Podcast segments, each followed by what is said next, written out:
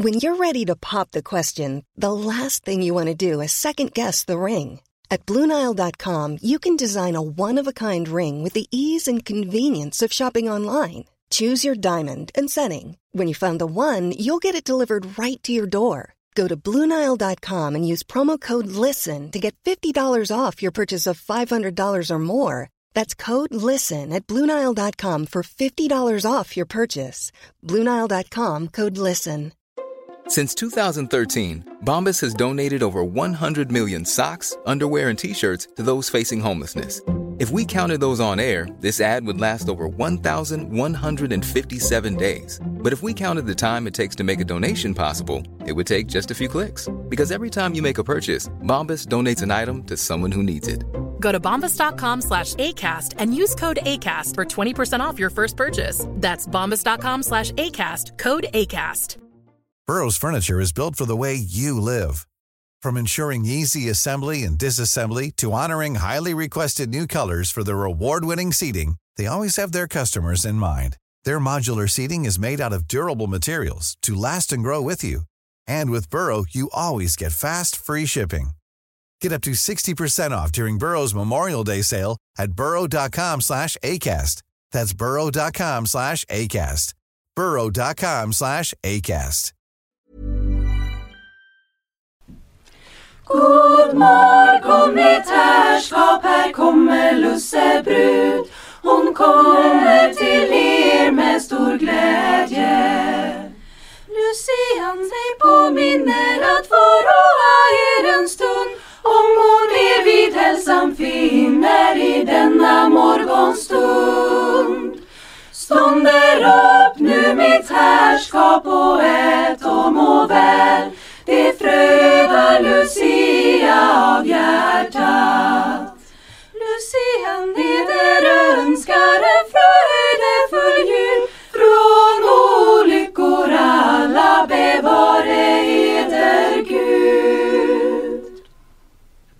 Staffan var en stalledräng, stalledräng, ja stalledräng. Han vattnade sina fålar fem, fålar fem, ja fålar fem. Stjärnorna de tindrar så klara, gossar låt oss lustiga vara.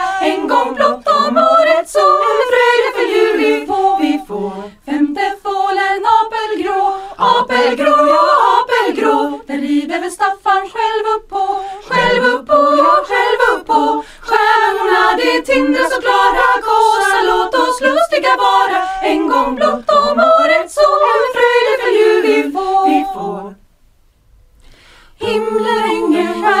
svart och snön ligger blå och mörkret är så beckmörkt och stjärnorna så små. Skumma lika stigarna där människobarnen gå och tysta ruva stugorna med snöskägg på. Då komma väl de hundra, då komma väl de tusen lusseknektar vandrande kring husen. Vandrar kring med blås, med masker och med narrspel, en jublande trås. De bulta hårt på rutorna så isen går loss. De bugar sig, de bjuda sig till gästning hos oss. De vandrar kring med visor som jubla och som tralla så backarna och skogarna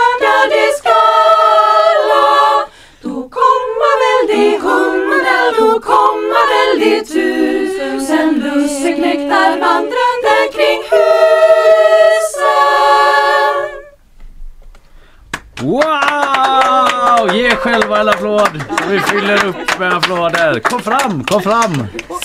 Stina Pettersson, du är en av alla i kören här. Du får prata i den mikrofonen Stina. Hej, god morgon, vilka är ni? Berätta! Ja, vi är en liten kör, en liten Ja. Lucia-kör. Eh, ibland är vi det och ibland är vi bara en liten kör. Vad underbart att ha er här, vilken stämning! Fick du också gåshud Stina eller är du Nej, liksom men det van vid dig det själv? här är liksom, jo men, Och jo, men kör. jo, vi, vi är, vi är Van vana, vi har ju lite högmod går före fall. Men vi brukar tycka att vi är helt okej bra. Ja, det Vi var var otroligt bra. Underbart. Jag tittade så på Kalle va? Är det en liten tår jag ser?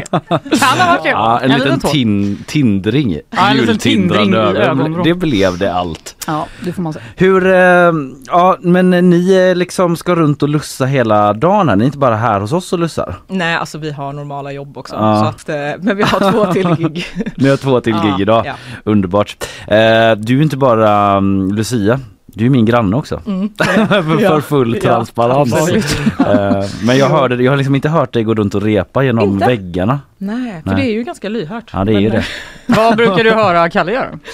Eh, Jag hör mest eh, Kalles barn. Ja. Det är, Grattis! de skriker och står i. Tur att ni inte bor under oss. Mm, Där var jag nej, vågade nej, tänka på det är vår granne. Men, Men- om eh, man vill se lussa igen idag, vad ska man Mm. bege sig? Då går man till Hagabion 18.30, lussar vi då och sen så lussar vi på folk klockan 9. Två dubbla chanser Mm. om man orkar hålla sig vaken. Det tycker jag Kämpa. man får kämpa för att göra ja. Ja det tycker Ja, ett av alla Lucia-tåg som är i stan. Det finns ju flera att välja på kan vi väl säga. Kalle, det inte liksom- public service, Nej, jag, jag är så skadad, jag måste säga det liksom. Annars så mår Det jag här är dåligt vårt hela dagen. favorit-Lucia-tåg i alla fall. Just saying. Tusen tack eh, Stina Pettersson och hela gänget med kören. Wow vilken Heter start på dagen. Ja. Nej, alltså vi heter Lucia-kören nu, Lussekören. Och sen så har vi andra, andra namn när det är andra gig. Ja. Anpassningsbara. Ja. Det tänker vi aldrig avslöja förrän det är dags. Stina Pettersson och hela Lucia-kören. Tusen tack eh, för att ni kom hit.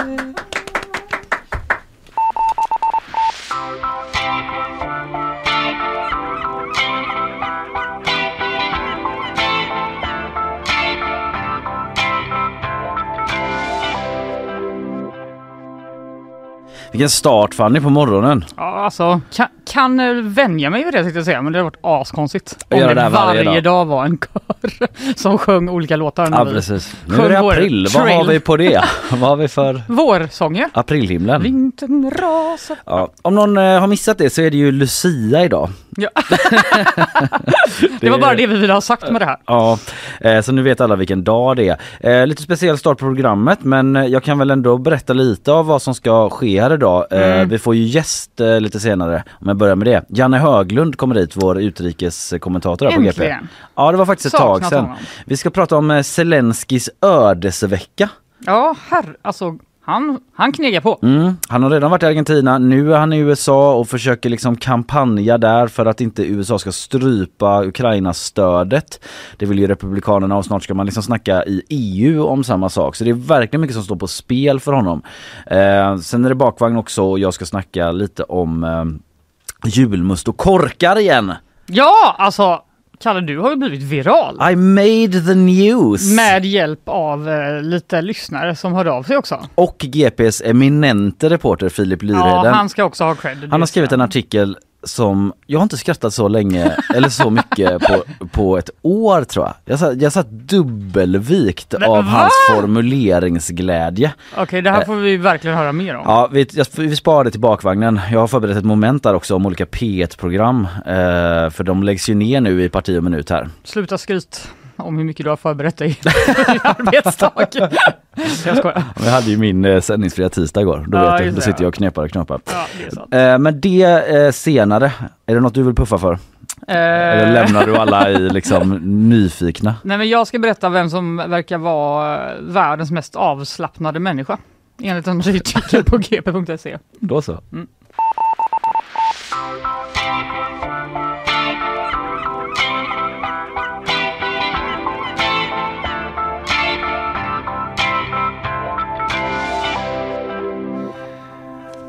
Men eh, vi ska börja Fanny med att tala om eh, gårdagens stora nyhet, nämligen att det som inte ska få hända på en svensk arbetsplats det hände igår. Det är många som har eh, uttryckt det. Den var ju nämligen så att eh, en hissolycka inträffade i måndags eh, på ett bygge i Sundbyberg där fem personer dog. Men det var ju igår då som åklagarmyndigheten bekräftade dödsfallen. Att fem personer omkommit i den här dödsolyckan. Och eh, det, det handlar ju då om att en hiss ska ha rasat rakt ner mot marken. Ett, ett fall på 20 meter. Eh, och, och eh, ja, det är det som ska ha skett helt enkelt. Mm. Och eh, det här ska ju utredas nu. Det är Statens haverikommission som är inkopplad. Men inte bara dem, utan även Åklagarmyndigheten då som jag nämnde. De utreder det här som arbetsmiljöbrott som innefattar då grovt vållande till annans död och dessutom så utreder Arbetsmiljöverket det här. Så det är alltså tre parallella utredningar som pågår. Som vill få klarhet i hur det här som inte skulle få hända ändå hände.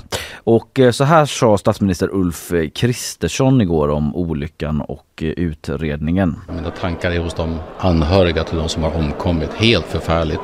Måste utredas mycket, mycket grundligt och jag förstår att det också är en eh, rättslig prövning som har, har, har inletts nu och så måste det självklart också vara.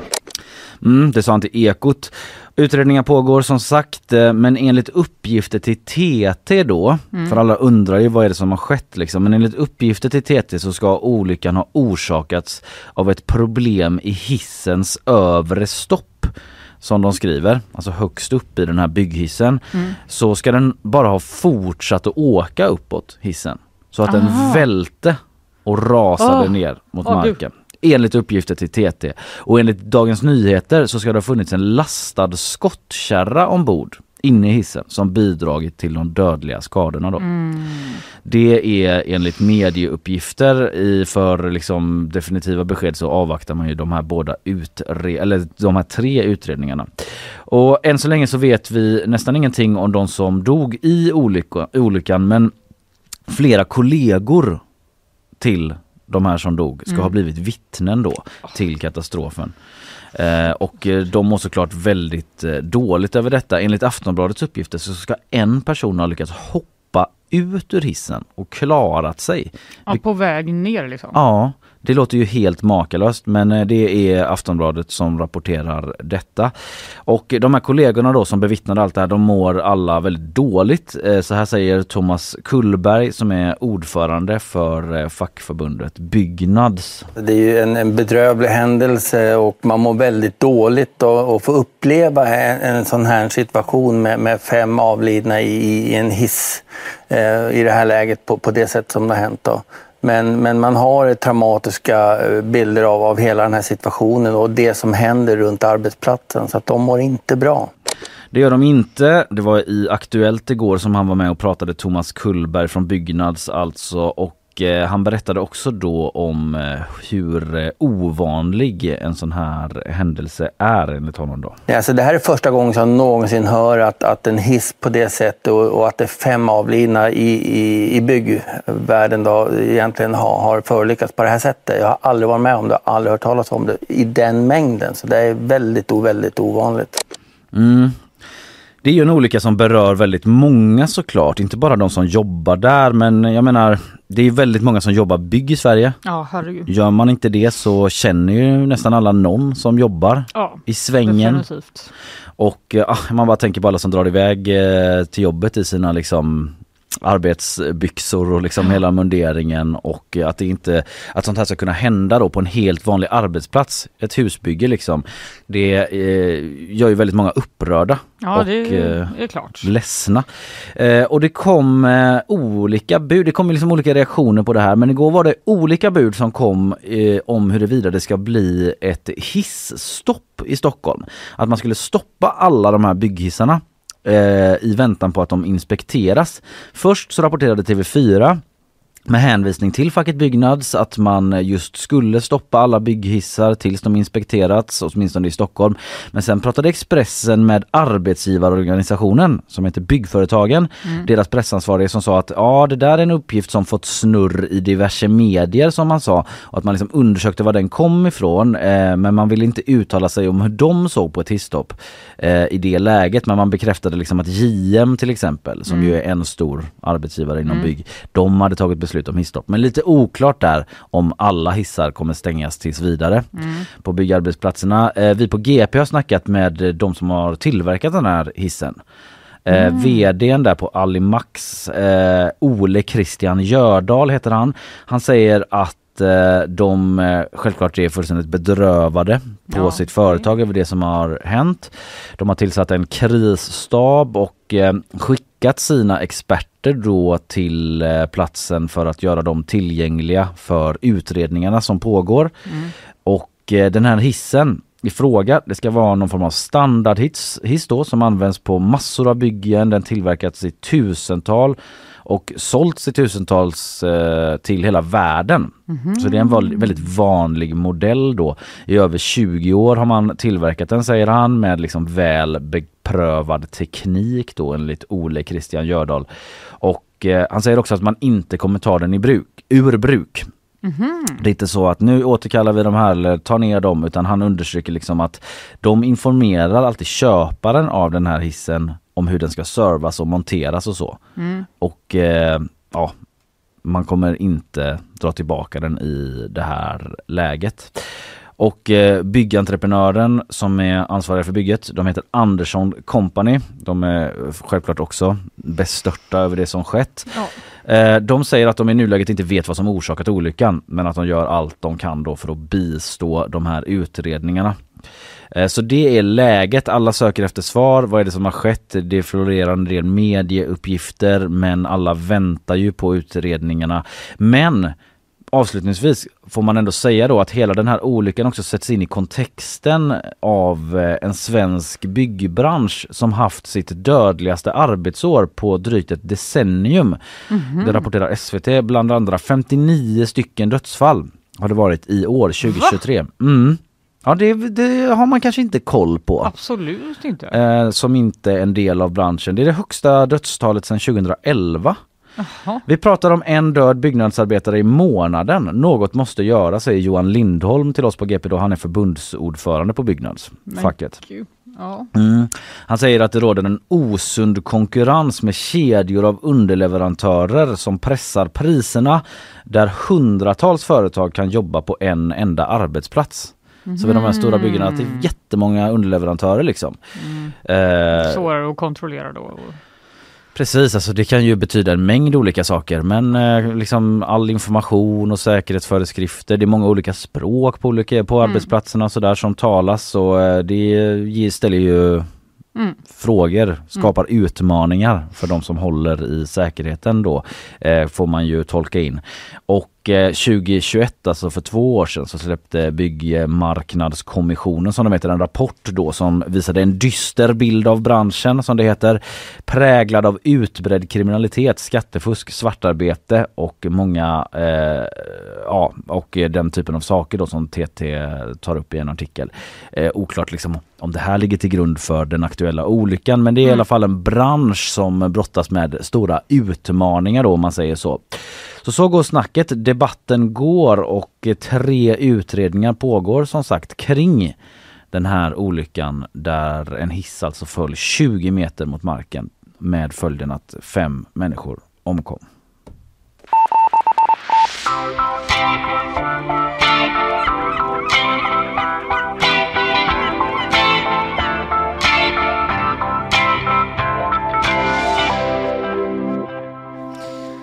Då Kalle var det dags för eh, nyhetsshowens stadsbyggnadsreporter, det vill säga jag, Ja, att rapportera Ja. om ännu ett misslyckat bygge i vår stad. jag ser ju att du är här idag. Bara väntade på att men när blir det något om stadsbyggnad blir det snart? något om Västlänken eller någon eh, annan skit. Nej men misslyckat kanske är lite hårt men dyrt Mm. verkar det bli. Och eh, med dyrt menar jag det är 256 miljoner kronor dyrare för Masthuggskajen. Ja det är en del pengar. Alltså det där är ett byggprojekt som jag liksom lär mig mer om dag för dag känner jag. Berätta vad du vet om Nej, Masthuggskajen. Jag vet ju eh, tidigare så visste jag väldigt lite. Mm. Jag vet inte om du vet men jag har ju bott i Stockholm ett tag och eh, då missar man en Jag del vet, grejer. jag vet inte det och jag vet inte heller att eh, Linnea varit på Nobelfesten. det är två saker jag absolut inte vet. Nyheter för dig. Ja. Eh, nej men då, då kanske man inte hänger med så bra på liksom, eh, stadsbyggnadsplanerna i Göteborg men jag har ju förstått att eh, det är den här väldigt spektakulära halvön som ska byggas. Precis. Flytande ska den vara på Det vänster. är ju största, den största snackisen eh, kring detta. Alltså en konstgjord halvö som man ska bygga eh, rätt ut i älven. Mm. Och där ska det stå typ en Eh, skyskrapa som vi pratade om häromveckan Ja, ju. precis. Som Det- vi såg bilder eller arkitektbilder på på gp.se. Exakt, det finns liksom, det har ju hänt ganska mycket redan i Ja. det här området. Det är ju massa höga hus, för den här detaljplanen då verkade då vunnit laga kraft redan 2019. Mm. Så man har haft några goda år här på Och- eh, sig att bygga. Och kommersen är riven redan. Den är riven, Så då- tyvärr. får det är vi ingen idé att där. ni går ut och protesterar, den är borta Nej. redan. Vill ni köpa massa bös så får ni gå någon annanstans. Gå till eh, internet. Mm. Men eh, i alla fall, eh, flera hus är klara, men fler ska det alltså bli då innan det här området är färdigt. Mm. Och nu så har man inför ett möte i exploateringsnämnden, det vill säga de som har ansvar för olika byggnationer av, som kommunen gör då. Mm. Eh, då har man räknat ut då att det här kommer bli väldigt mycket dyrare. Mm. Alltså 256 miljoner kronor dyrare. Och varför då? Det finns såklart flera anledningar, så brukar det väl ändå vara va? Ja. Eh, världen är komplex och så även eh, byggandet av en ny stadsdel eh, i en stad. Eh, Christer Niland som är chef för stora projekt på exploateringsförvaltningen, han säger till oss på GP att eh, vi har haft större arkeologiska fynd Jaha, som eh, inneburit det. en del merkostnader. Och sen är det också framdriften. Alltså planen måste praktiskt taget ändras hela tiden och anpassas till verkligheten. Aha, ja. Ja. Det, får man hela tiden ha. det var massa roliga ord i byggsvängen där. Framdriften. Framdriften. Har ni Det- tänkt på framdriften?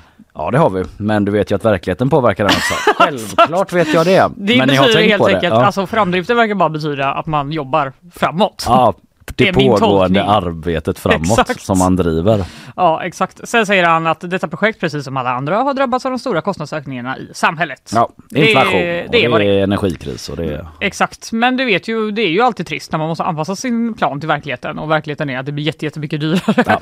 och eh, Det drabbas man ju själv av i Exakt. vardagen liksom. Det gör man ju. Men jag blev lite intresserad av de här arkeologiska fynden. Jag var med. tvungen att göra en extra googling. Vet du, jag tänkte fråga dig vad är det för film, men så tänkte jag, nej jag frågar inte det, Ja, det har väl det. inte Fanny hunnit kolla upp. Jo. Men så hade du det. Surfade in på masthuggskajen.se. Läste en lång eh, text med en arkeolog som heter Glenn. Mm. Och han berättar att eh, de här fynden, det verkar vara så att man hittade då gamla pålar från en gammal kaj som man helt enkelt bara byggt över med den nya kajen en gång i tiden. Mhm. Och de bara, men gud vad intressant. Här kan vi se då, det var ju pålar i trä. Kunde Mm. de räkna små årsringar för att se hur då staden Göteborg hade vuxit fram. Hur gamla var de Stor pålarna då? fest. Eh, du, det vet jag faktiskt inte. Nej. Men det jag vet är att man också hittade väldigt mycket porslin och keramik, Mm. fat och tallrikar och kritpipor från 1600 och 1700-talet. Jaha. Eh, man Kina rökte kanske? mycket tobak och det Ja. gjorde man i pipor som var gjorda av kritlera, vilket då verkar vara väldigt opraktiskt för de var jättesköra Ja. och gick sönder, säger då Glenn. eh, och då är teorin att de som jobbade då vid kajen innan träpipan kom Ja. eh, på 1800-talet, de slängde sina trasiga exemplar ja. rätt ner i havet. Du, jag så ska bara de tända en pipa. Du, fan! Att den går sönder hela Så tiden. jävla opraktiskt ändå. Ja. Nej, inte igen. Jag orkar inte mer. Och så bara hissar den ut i älven. Ja, jag tycker det var en fin bild då, för då säger Glenn att det, den här, de här trasiga då, som man bara kastade ner i vattnet, Mm. det blev en del av geggan som staden står på. Okej, Vi, en stad i Göteborg står på geggan av kritpipor. precis byggt på, precis byggt på lera och pipor. Ja, det, det har något. Mm. Men nu undrar ju du, vad händer med den här konstgjorda halvön då? Man är ju lite sugen på den. Ja, Det känns lite Dubai. Känns Ja. lite liksom mer Dubai i Göteborg. Göteborg, tack. Ja, Göteborg Eh, Kalifa och så vidare. Exakt, så jag tycker det känns liksom lite så som att världen kommer. Ja, men man vill väl också föra till protokollet att just Masthuggskajen alltid har känts som att varför bygger man ingenting här? Ja, du vet att det är en parkeringsplats och kommersen, ja det är Stena Line liksom så här och de har rätt att vara där och det har varit Well. hitan och ditan. Men att det är så här verkligen så prime real estate eh, Ja. område som man känner att man förstår ju att man har liksom gjort en plan för att här kan vi väl hitta på någonting. Exakt, Mm. även Skeppsbron ju. Känd från showen. Mycket riktigt. Eh, samma typ av premiumläge. Mm. Men eh, jo, det verkar då som att det här arbetet med den här halvön, det blir lite tekniskt nu då, Mm. organiseras på ett litet annat sätt och jämfört med resten av Masthuggskajen och då är det det kommunala bolaget Älvstranden Utveckling som ska påla kajen som ska Mm. bli ön. Mm. Och sen ska då exploateringsförvaltningen ta över och eh, de ska då bygga gator och sånt Ja, ja. på ön. Mm. Eh, men ett bekymmer verkar vara då halvöns kant. Jaha. Eh, jag läser ur artikeln att runt pålverket eh, var det tänkt att en krönbalk skulle löpa som fungerar både som ett påseglingsskydd för ön men även bidrar, eh, bildar en trappa ner mot vattnet. Då googlar jag såklart krönbalk och det verkar bara vara en kajkant. Ja. Men den kajkanten skulle då bli en trappa ner Så, mot så, vattnet. så man kan sitta där, Exakt. kanske bada om man är riktigt sjuk. Om man älskar förgiftat. Och arsenik. Och, Exakt. Mm. Men det var väl, det, man, det fattar man ju att liksom, folk tycker att det var lite trevligt. Ja. Man skulle kunna sitta längs vattnet. Men då för att fungera som ett skydd mot fartyg ur kurs.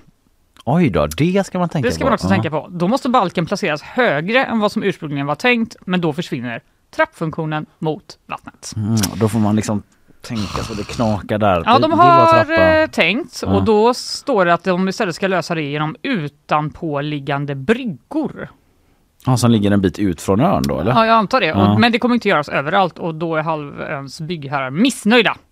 Jag vet inte, de kanske bara vill ha en nice trappa ner mot vattnet. Ja, just det. För att liksom öka värdet på Mm. alla fastigheter och så vidare. Ja, det kan man ju tänka sig. Det är mycket sånt här som man känner bara så här, va, varför liksom hade man inte tänkt på det innan då? Jag vet, jag vet inte. Alltså det låter ju som att de är så här, om man måste ha ett skydd mot fartyg ur kurs. Mm. Och det kan man ju fatta, att Ja. man kanske måste.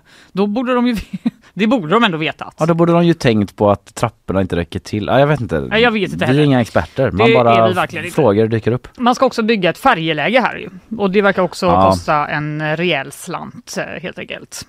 Eh, en annan sak att vara missnöjd med är att eh, sluttiden för projektet har ändrats till 2031 Mhm. istället för 2028. Ja. Och det är ju så att tid är pengar i det här fallet, säger Christer Nyland på exploateringsnämnden. Verkligen. Vi kommer behöva ha en organisation igång, igång under en längre tid och det bidrar till den ökade kostnaden. Ja. Det fattar man ju. Ja. Eh, förvaltningen flaggar också för att det är osäkert och flera kostnadsökningar kan komma eftersom det är många års byggande kvar. Ja, det fattar man ju. Ja, det fattar man ju också. Ja.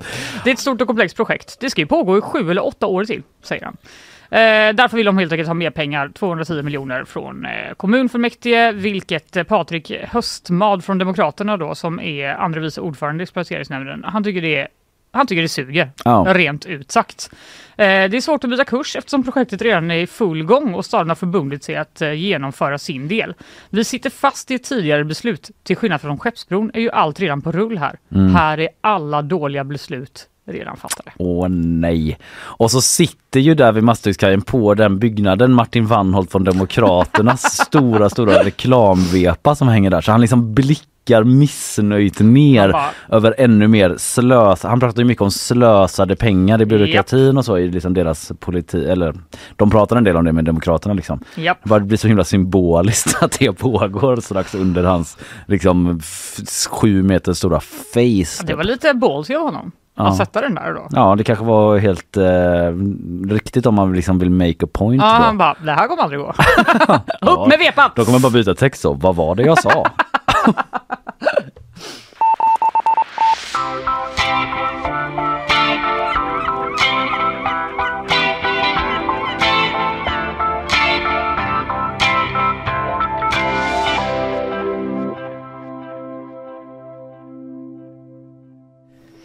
Alexej Navalny, ja, den ryska oppositionspolitikern och Hur- antikorruptionsaktivisten. hur är det med honom egentligen undrar man ju. Det var ett tag sedan. Ja, han, Hello. Alltså, han, han har ändå varit igenom en del va?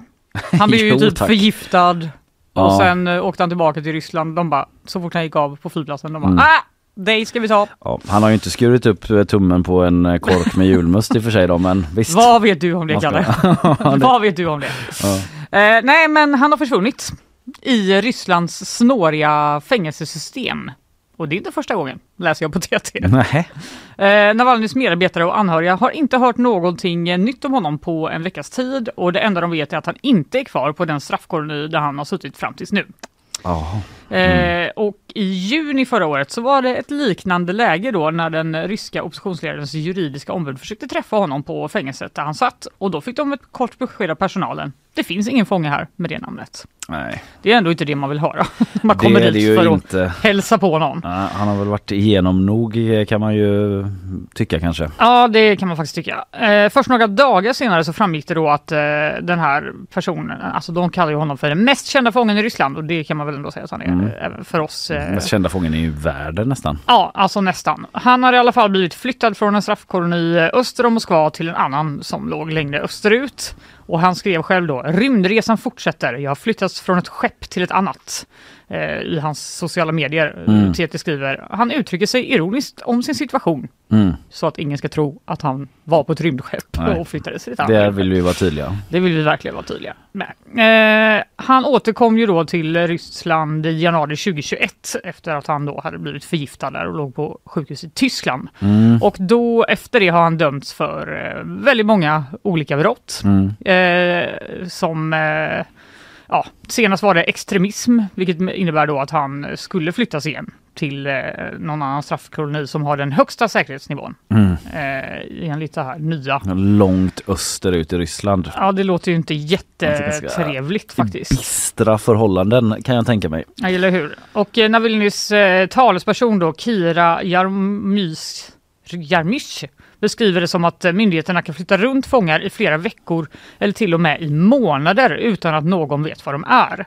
Nu behöver vi leta efter honom i varje särskild straffkoloni i Ryssland, säger hon till nyhetsbyrån AP. Ja. Och det finns omkring 30 stycken och vi har ingen aning om i vilken vi kommer att hitta honom. Ja, det är ju, låter ju fullständigt bisarrt. Kafkaeskt. Visst, alltså det är som en eh, film att han liksom, åks, liksom skickas runt på olika tåg då mellan olika, så bara, ingen ska veta var han är. Nej. Eh, då står det så här i artikeln på TT som jag läser att Rysslands fängelsesystem är i många avseenden en kvarleva från Sovjettidens arbetsläger. Mm. Det finns fler än 800 straffkolonier spridda över det 11 tidszoner vidsträckta landet. Det vill säga att det är stort helt enkelt. Ja. Och vad de ligger eh, har att göra då med vad fångarnas tvångsarbete behövdes på, eh, alltså på den tiden. Mm. Eh, men i regel långt bort från Moskva, i Sibirien, i Fjärran Östern eller längs med de stora tågbanorna som lades över kontinenten. Mm. Eh, och eh, de har särskilda tåg som de transporterar då, eh, fångar i med gallerförsedda kupéer Mm. utan fönster som eh, från början utformades för bo- boskap. Ja. Mm. Eh, Det är vanligt att resorna varar i en månads tid eller mer, skrev Amnesty i en rapport. eh, Bara 2017. resorna alltså? Ja, alltså som Ja. att det är en del av straffet på något Ja, sätt. Att de ja. bara åker runt med de här tågen. Liksom. Han Eh. skulle kunna vara på ett sånt nu. Han skulle också kunna vara på något av de här Exakt. fängelserna, lägren. Exakt. Och varken fångarna eller anhöriga då får någon information om vad de är förrän de är framme. Mm. Så man helt enkelt vaknar någonstans och då är det så. Ja, nu är du på den här straffkollen Mm. istället. Eh, Navalny har hittills varit eh, fängslad ganska nära Moskva då och eh, i måndags förra veckan så var det tänkt att han skulle framträda vid en domstolsförhandling. Mhm. Så nu tror hans talesperson då att my- myndigheterna vill hålla honom långt borta från offentlighetens ljus inför det kommande presidentvalet. Ah, som ju är nu ganska snart Ja, väl. man har väl börjat se mer och mer så. Putin bara, oj då. Ja, han har vi- sett till så han kan sitta längre. Jag Ja, nu minns jag nog- inte nyheten exakt. Och det är ju dessutom eh, faktiskt ett presidentval i Ukraina snart. Ja, och i USA. Och i USA. Och på tal om detta då så ska vi alldeles eh, strax eh, få in Janne Höglund i studion som Mm. ju är GPs eh, utrikeskommentator. kommentator. Och vi ska prata om eh, Volodymyr Zelenskyjs ödesvecka. Mm. Så beskrivs den. Ja, Han är ju på all turné. rätt. Ja, det får man säga. Det debatteras ju flitigt i USAs eh, senat om huruvida man ska fortsätta skicka pengar till Ukraina och eh, eh, Zelenskyj är där för att lobba och eh, alldeles snart ska man eh, fatta liknande beslut i EU då. Mm. Eh, där eh, Zelenskyj också liksom har en diger uppgift framför sig att eh, advokera för sin sak. Japp. Janne kommer eh, hit om en liten stund eh, så häng kvar.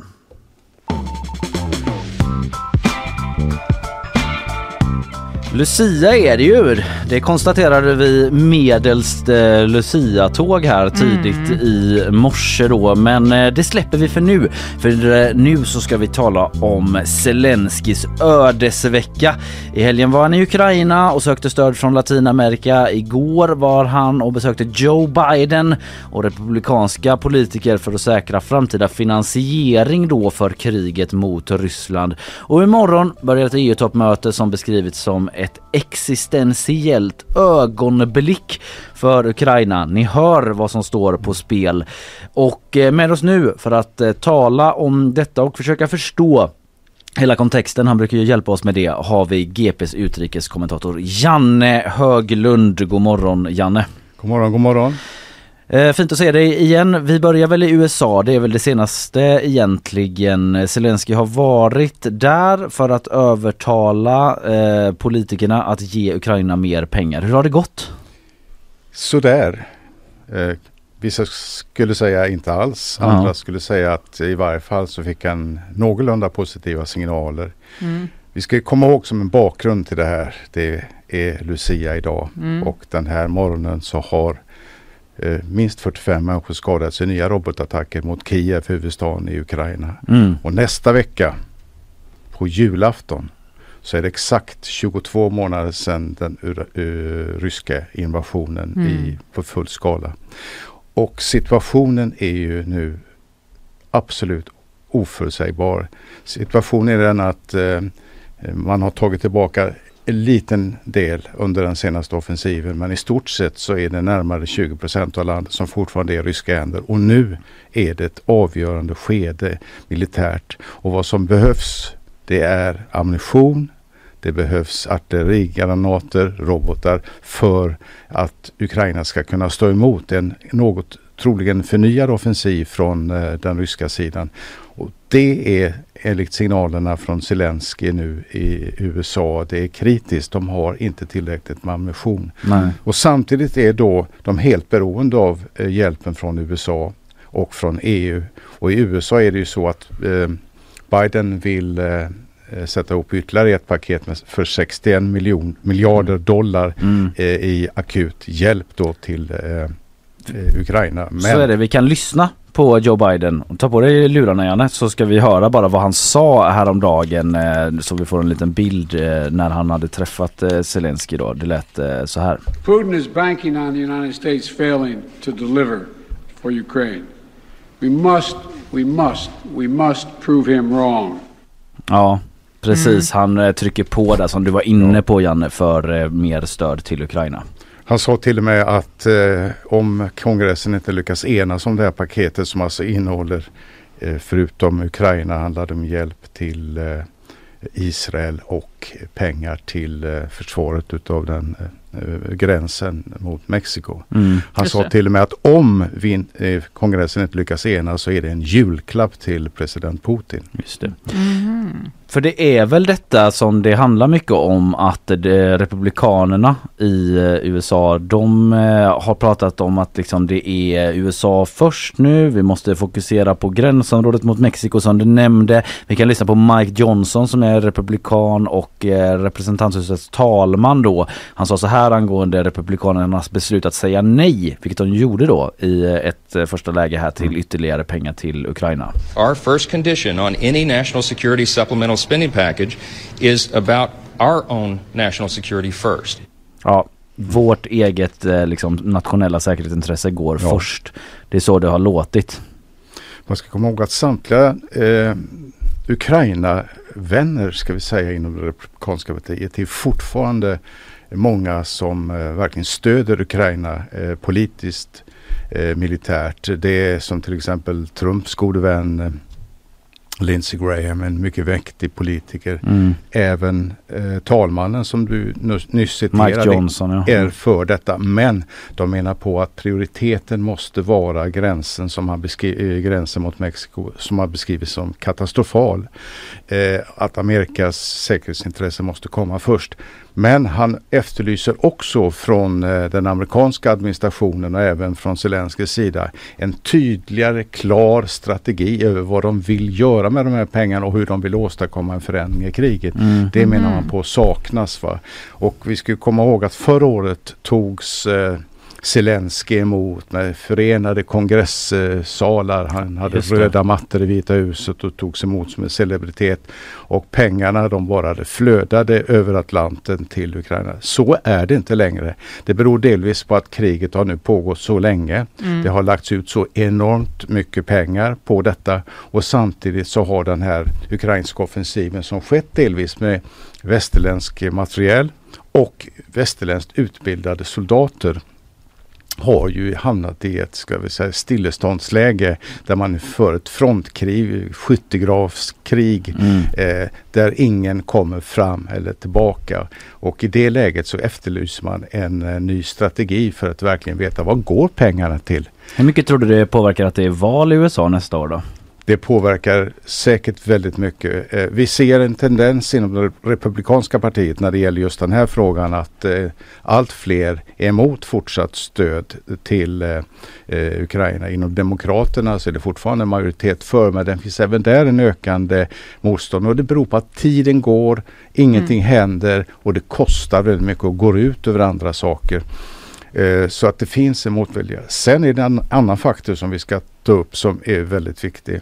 För ett år sedan, två år sedan, då kunde USA, Europa, Sverige ta ur sina egna lager för att hjälpa eh, Ukraina med olika former av vapensystem. I Sveriges fall eh, stridsfordon och eh, artillerisystemet Archer. De förråden är om inte tömda så är de i alla fall tillräckligt tomma för att de bara kan klara det egna landets eh, försvarsintresse. I själva verket till exempel i Europa så har länder som Storbritannien, Frankrike och Tyskland och Sverige inte tillgång till så mycket materiel som man bara kan skicka. Dessutom när det gäller ammunition som det går åt i enorma mängder där nere så är det inte bara så att öppna sina egna förråd och ge. Man måste producera nytt och det klarar inte produktionsföretagen företagen till. Va? Så situationen är helt annorlunda och det också avspeglar sig politiskt och i USA så är det ju så att de republikanska politikerna de går ju lite grann i Trumps eh, spår här. Mm. Trump har ju sagt att han ska avsluta det här på 24 timmar. Just han, han kanske inte ens eh, återigen eh, är beredd att ställa upp för NATO och så vidare. America first ska gälla och gränsen mot Mexiko är den stora prioriteten. Mm. Och det innebär en enorm osäkerhet för Ukraina Mm. om det fortsatta stödet som säkert inte kommer före jul. Det är en jättestor osäkerhet för Europa vad som ska ske här. Men tror du att de ändå, att det liksom pågår någon sorts kohandel nu, att de ändå kommer, eh, alltså Republikanerna liksom, de vill visa att så här, vi står upp för amerikanska gränsen här, skicka lite mer pengar till det så ska vi se att vi kan liksom presentera det här som en seger och så ska det bli pengar. Alltså tror du det kommer landa i att det blir pengar ändå? Nu Jag, vinklar jag tror, jag jag tror att det men... måste bli en kompromiss. Ja. Ja. ja, det måste ju bli en kompromiss men jag tror att det kan bli en sån kompromiss att man måste satsa mer på eh, gränsskyddet i Mm. USA. Det handlar inte bara om gränsskyddet i form av att man ska stoppa folk. Det handlar om asylpolitik, migrationspolitik, överhuvudtaget inställningen till migrationen. Eh, så det är mer grundläggande förändringar som re- Republikanerna kräver än just eh, pengar. Mm. Men att det här dröjer påverkar ändå här och nu på slagfältet, eller? Definitivt Ja. av två skäl. Dels rent praktiskt att man får mindre till exempel ammunition som man behöver hela tiden och nya vapensystem. Eh, det andra är ju en stor osäkerhet om vad som ska hända i fortsättningen. Eh, om USA på grund av Trump eller av andra skäl inte skulle fortsätta att eh, generöst stödja Ukraina som de såg som Biden ser som ett stöd också i kampen mot Putin och hans auktoritära världsbild. Ja, då får ju EU ta den bördan.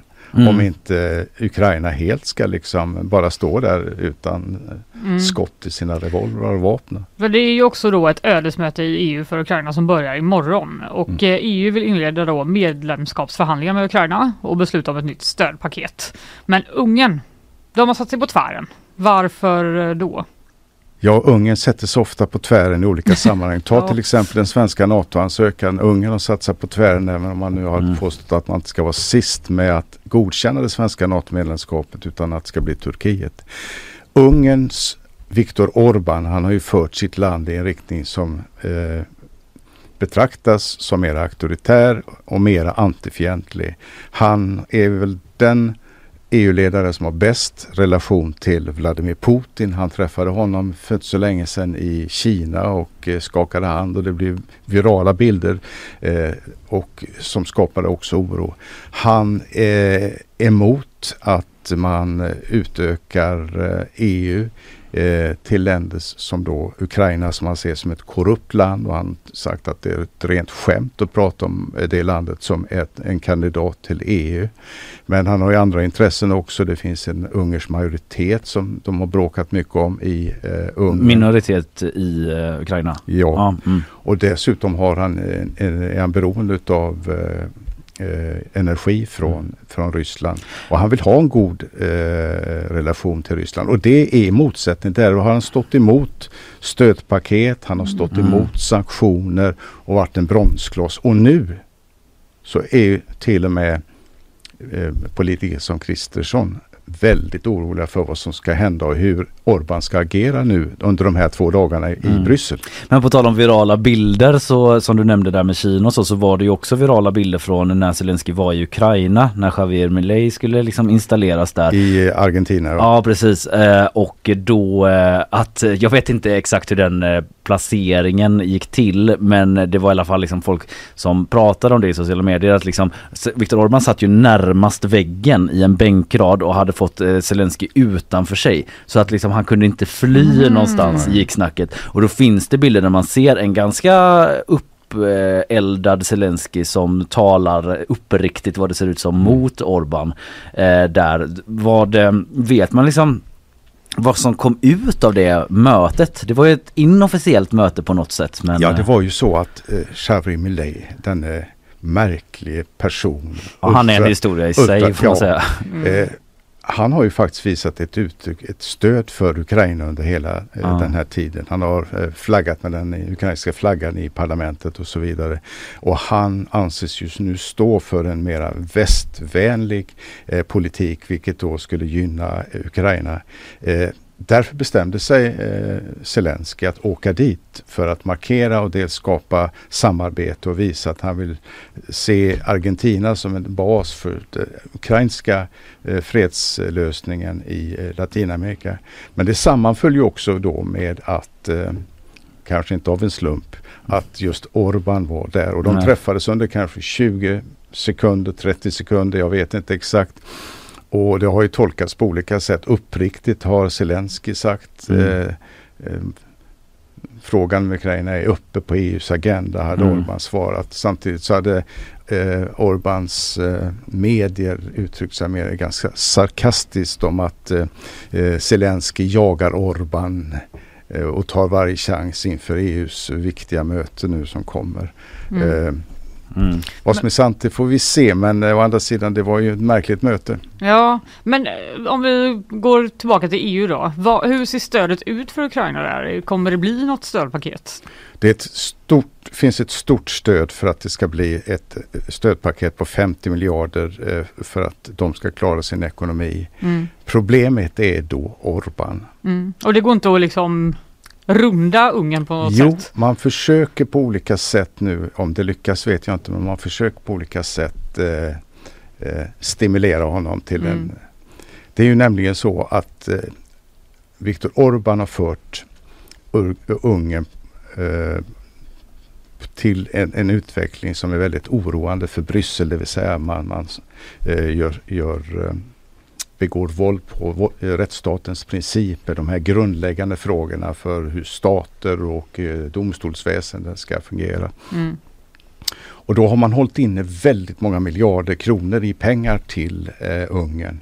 Det. Men nu diskuterade kommissionen eftersom man menar på att de har gjort vissa saker att om vi kan släppa åtminstone 10 miljarder euro nu inför toppmötet. Mhm. Då skulle kanske Orban få en annan syn på det här med 50 Mm. miljarder i stöd till Ukraina. Just det. Hela tiden detta, Republikanerna med Ja. gränspengar och Men Orban då med sa en av. Orbans eh, nära medarbetare, ja men för att det ska bli, kunna bli en sådan diskussion så måste ju vi tillföras 30 miljarder euro. Jaha, så det förhandlas. Så alltså det är pengar det handlar om och vad som då ska komma ut av detta mötet, det, ja det landar ju på de här stats och regeringschefernas bord så det är därför det blir så väldigt spänt. Va? Ja. Och samtidigt pågår eh, kriget eh, i Ukraina där eh, Ryssland har eh, liksom krigat på med sin fullskaliga eh, invasion helt enkelt. Hur eh, tror du det går? Hur slutar Ukrainas ödesvecka talar jag om nu då, inte kriget? Ja. Hur slutar den? Mm. Man, man, man kan väl anta att det blir någon form av eh, kompromiss även här när det gäller eh, stödet till Ukraina.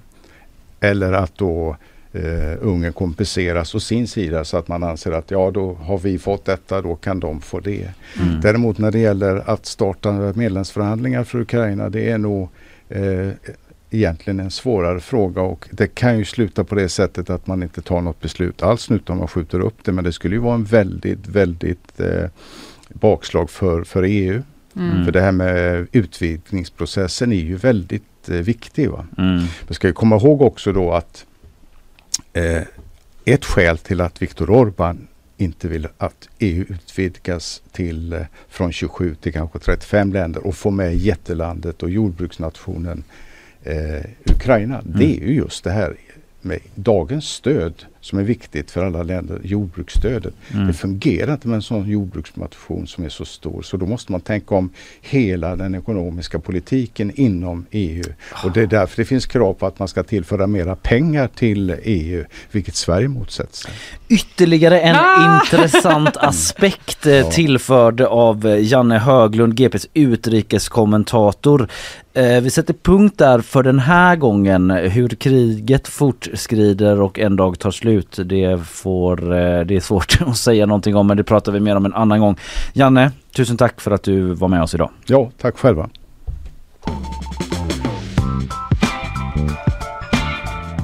Vi tar oss vidare i nyhetsshowen. Janne Höglund eh, liksom fortsätter ge oss intressanta uppgifter hela vägen ut genom dörren om eh, de enorma ryska förlusterna som har varit sedan kriget inleddes. Men vi lämnar det för nu för eh, nu har ju Isabella Persson tagit sig Ja, fram till eh, mikrofonen hej. för att ge oss lite eh, utblick då. Ja, från en konflikt till en annan gör vi väl egentligen flyttar oss till ehm, Israel och Gaza ehm, där konflikten mellan Israel och Hamas pågår och det handlar om att igår kväll röstade FNs generalförsamling genom ett krav på att det ska bli vapenvila i Gaza. Just det, Mm. och Sverige var med. Sverige var med och röstade ja. Eh, man har väl haft en liten sån annan hållning tidigare men, men man var med på den här vapenvilan. Eh, och eh, däremot så var reaktionen från Israel inte positiv. Eh, deras representant sa att vapenvilan är ett indirekt stöd för Hamas. Mm. Israel har ju liksom haft uttalat målsättning med, med hela den här operationen kan man säga att ja men eh, förinta Hamas har väl egentligen varit det man Mm. har sagt. Utplåna dem. Ja, Och det här ger eh, Hamas en möjlighet då att eh, omgruppera och så vidare menar Israel då gissar jag. ja egentligen de ser det som um, uttalar sig så pass hårt att Hamas överlever om eh, eh, vi inför en vapenvila. Mm. Så det känns som uteslutet från israeliskt håll. Just det, för att det är ju inte så att det blir en vapenvila bara för att FN har röstat Nej. om det. Nej. Nej, utan det är förhandlingar. Vi har haft vapenvila tidigare. Då var ju Qatar en diplomatisk part i att förhandla fram den. Mm. Eh, så det här innebär ju inte vapenvila. Nej. Men, Men FN, ännu en påtryckning åt det Absolut, hållet. så ska man se det. Mm. Eh, det kommer andra uppgifter från eh, Israel också, eller från Gaza, uppgifter som eh, Omni rapporterar om. Som handlar om att Israel börjat pumpa in havsvatten från Medelhavet in i Hamas tunnelsystem. Ja det här har jag sett rubriker Mm. om. Och viktigt att tillägga att det här är uppgifter men de kommer, ska komma från amerikanska myndighetskällor. Och totalt ska Israel installera sju pumpar som förväntas pumpa in vatten i flera veckor. Det är någonting med vissa nyheter, man får sån eh, tydlig filmisk Ja. bild av det. Men okej, det är uppgifter. Eh, Mm. Ja, Det finns en oro för att det här, eh, eftersom det är havsvatten från Medelhavet, att det finns en oro att det kan förstöra liksom, eh, färskvattentillgången i Gaza. mm. Eh, När man Mhm. pumpar in liksom saltvatten, eh, också oro för typ eh, skördar, grödor och så vidare. Mm. Man Ja. tänker väl också att gisslan är där nere eller? Ja, Som eh, israelisk- det tänkte jag inte ens på. Nej men det eh, finns väl en, en Ja, eh, risk många i det såklart. Ja. Ja. Eh, Israels försvarsdepartement har inte kommenterat uppgifterna. Nej. Okej, vi går vidare från Israel och eh, Hamas kanske. Vi tar oss till Dubai där det pågår COP28, klimatmötet Mm. där. Hur blir det? Fasas Ja. ut, fasas ner, Ja. fasas fram, Ja. fasas bak. Nej jag ska bara. Vilket ord! visst pratade ni om det här igår va? Fasas Ja. ut och fasas ner och man var inne på detaljnivå. Och det är väl Linnea ex- gjorde det. Ja, det är väl exakt det som är grejen med det här. För nu idag har det offentliggjorts ett eh, utkast till den här klimatplanen då som man jobbar med. Mhm. Och det har varit gått på övertid. som man- Klassiker. det har man ju hört tidigare. Nattmangling Exakt. pågår. En står det. Nagelbitande väntan står det på gp.se. Ja, mm. Men det har kommit offentliggjorts ett nytt utkast och vissa formuleringar har skärpts. Det är väl mycket det man pratar om. Mm. Det handlar om sådana språkliga grejer. Hur, eh, vilka krav ställer vi med det här eh, utkastet, den här klimatplanen? Mm. Vad betyder de? Ja. Exakt, Mm. så till exempel kan inkludera har blivit uppmanar. Och man behöver nästan säga Uppmanar till vadå? att uppmanar- fasa man, ut? Ja men, man, nej, men det kan vara i olika sammanhang men det var liksom en så här övergripande exempel att så här, kan inkluderas i planen. Istället blir det vi uppmanar till att ni ska göra det här. Ja. Det blir lite luddigt när man inte sätter det i ett sammanhang. Ja, Men, inte eh, råskarpt heller att nej, uppmana någon. Nej, det är inte alltid så. Det ska göra utan vi uppmanar till det. Jag uppmanar dig att sluta med det där. Ja. Då kanske man inte gör det. Eller Vad så- händer- Då kanske man säger LOL. LOL, Ja, care. Ja, care. Ja. Så vad händer med fasa ut och fasa ner då? Det var ju EU som ville att det skulle stå att eh, kol som inte kompenseras med kol- koldioxiduppfångning ska fasas ut istället för fasas ner. Det är ju också en sån, eh, Ja. bara ni fångar in kolet kan Ja, ni göra ja, det. Ja. ja förlåt, eh, sidospår men ja, Ja. det skrev de och ja men det blev, de gick ju en helt annan väg. Jaha. Snabbas på! Nedfasning av kol som inte kompenseras med koldioxiduppfångning ska snabbas på. Man Mhm. bytte spår helt och hållet. Alltså vadå, från vad till snabbast på? Ja det var väl fasas ner. Ja, EU ville att det skulle vara fasas ut. ja. Resultatet blev snabbas, Snabbas på. Där Ja, då man. återstår ju det att se då vad den formuleringen får för konsekvenser.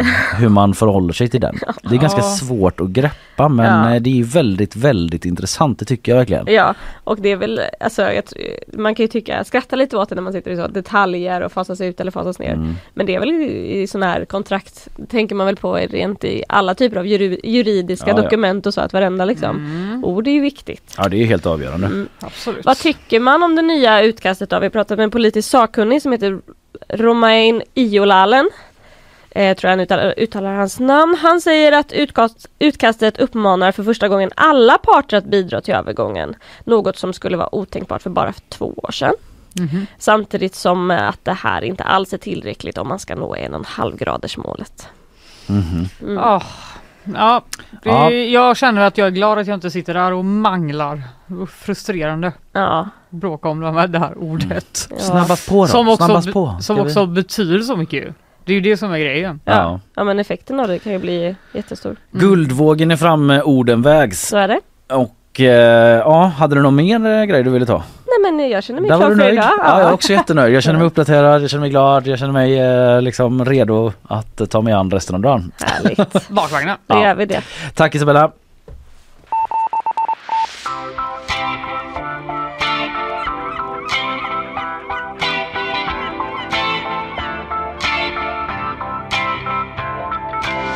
Så snackar snart om eh, julmust eh, Ja, det, det får du faktiskt göra. Men Mm. jag ska bara säga en kort sak som jag precis såg här. Ja tack. Att eh, man ska göra en film om Amy Winehouse. Mhm. En ny biopic. Det bara strösslas biopics just nu. Biopics, ny biopic om eh, han, historisk biopic också om Hannibal. Han Asså? som eh, red med elefanter över Alperna och Vem ska försökte erövra- Denzel Washington. Wow! Väckt stor debatt i Tunisien. Hudfärgsdebatt då. Jaha. Väldigt tråkigt för eh, liksom skådespelare att behöva liksom eh, prata, eller jag vet inte om det är så som har pratat om det men liksom, det ska behöva handla om det. Men det har varit en sån så här, var han verkligen så svart Hannibal? Frågar man sig i Tunisien, vissa då.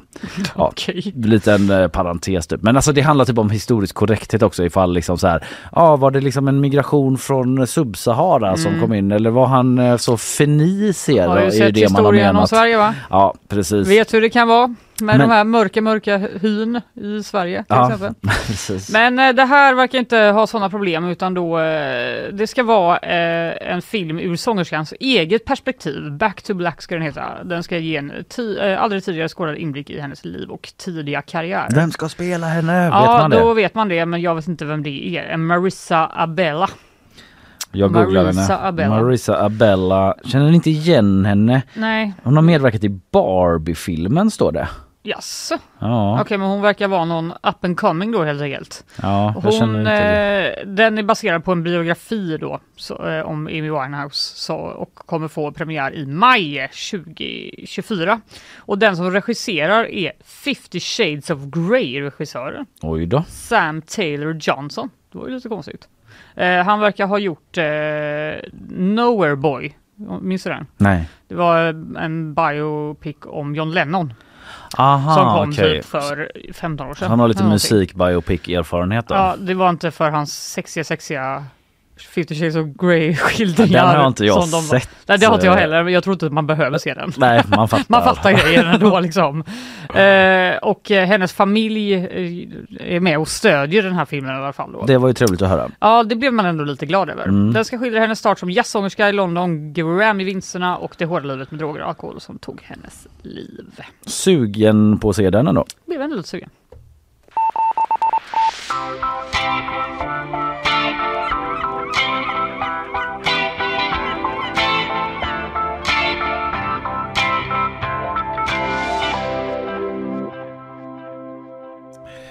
Problem med korken på populär julmustflaska. Jag läser från gp.se en artikel signerad eh, eh, vår kollega Filip Lyrheden. Ett komiskt geni. Det får man säga. Jag nämnde det tidigare i början av programmet att när jag läste den här artikeln som Filip har skrivit om faktumet att jag fläkte upp min tumme i kampen mot en julmustkork som jag förlorade Ja. dessvärre. Eh, så skrattade jag så mycket så jag fick eh, ryggsmärtor typ resten av dagen. Jag Det här är alltså en varning dubbelt. för er som vill läsa den här artikeln. Ja, jag ska liksom, ja, varning och jag kommer inte göra den rättvisa för det är liksom någonting med formuleringen så jag ska liksom inte få upp allas förväntningar liksom på min prata om det. Men jag, eh, ja, jag, jag hade en god stund. Liksom. Jag hämtade en kopp kaffe, satte mig ner för att läsa. Nu ska vi se! Ja, jag fick ju för, lite förhand på den också då i publiceringssystemet. Då. Eh, jag läser, jag vill ändå läsa en Mm. liten bit från Jag vill gärna höra för jag har inte hunnit läsa den än. Vi nämnde ju detta i måndags. Jag Mm. satt ju här med, eh, med omplåstrad eh, tumme liksom. Ja. Efter att jag Sannerligen. inte fick upp den här korken. En julmustrelaterad eh, skada. Mm. När Kalle Berg, programledare i GPs Nyhetsshowen, skulle öppna en flaska julmust blev det med en del av fingret som insats. Korken på den vanliga petflaskan skulle visa sig vara ett oövervinnligt hinder mellan honom och den läskande drycken. Korken satt så hårt. Jag vred och jag vred. Till slut lossnade en tjock bit skinn rätt in på Ah! köttet var det. Nu vill jag varna andra, säger Kalle Berg. Tänk att det här har tryckts i en tidning. Ja, det gått i pappret. Ja, det antar Det jag. antar skulle, jag de, skulle de hoppa över det här guldet? Det. Mamma, I made the news. Ja men vi talade ju om det i måndags då att jag var med om detta. Vi skickade ut en efterlysning i våra egna sociala medier och vittnesmålen kom in. Ja, det, så var det ändå. Flera stycken som varit med om samma sak. Eh, både även eh, Linnea, Isabella och Emily. Alltså på vår redaktion varit Ja. med om. Tyvärr så var det ju både fallet eh, Emily och Isabella att deras pojkvänner hade ju lyckats få upp korken då, till skillnad från mig.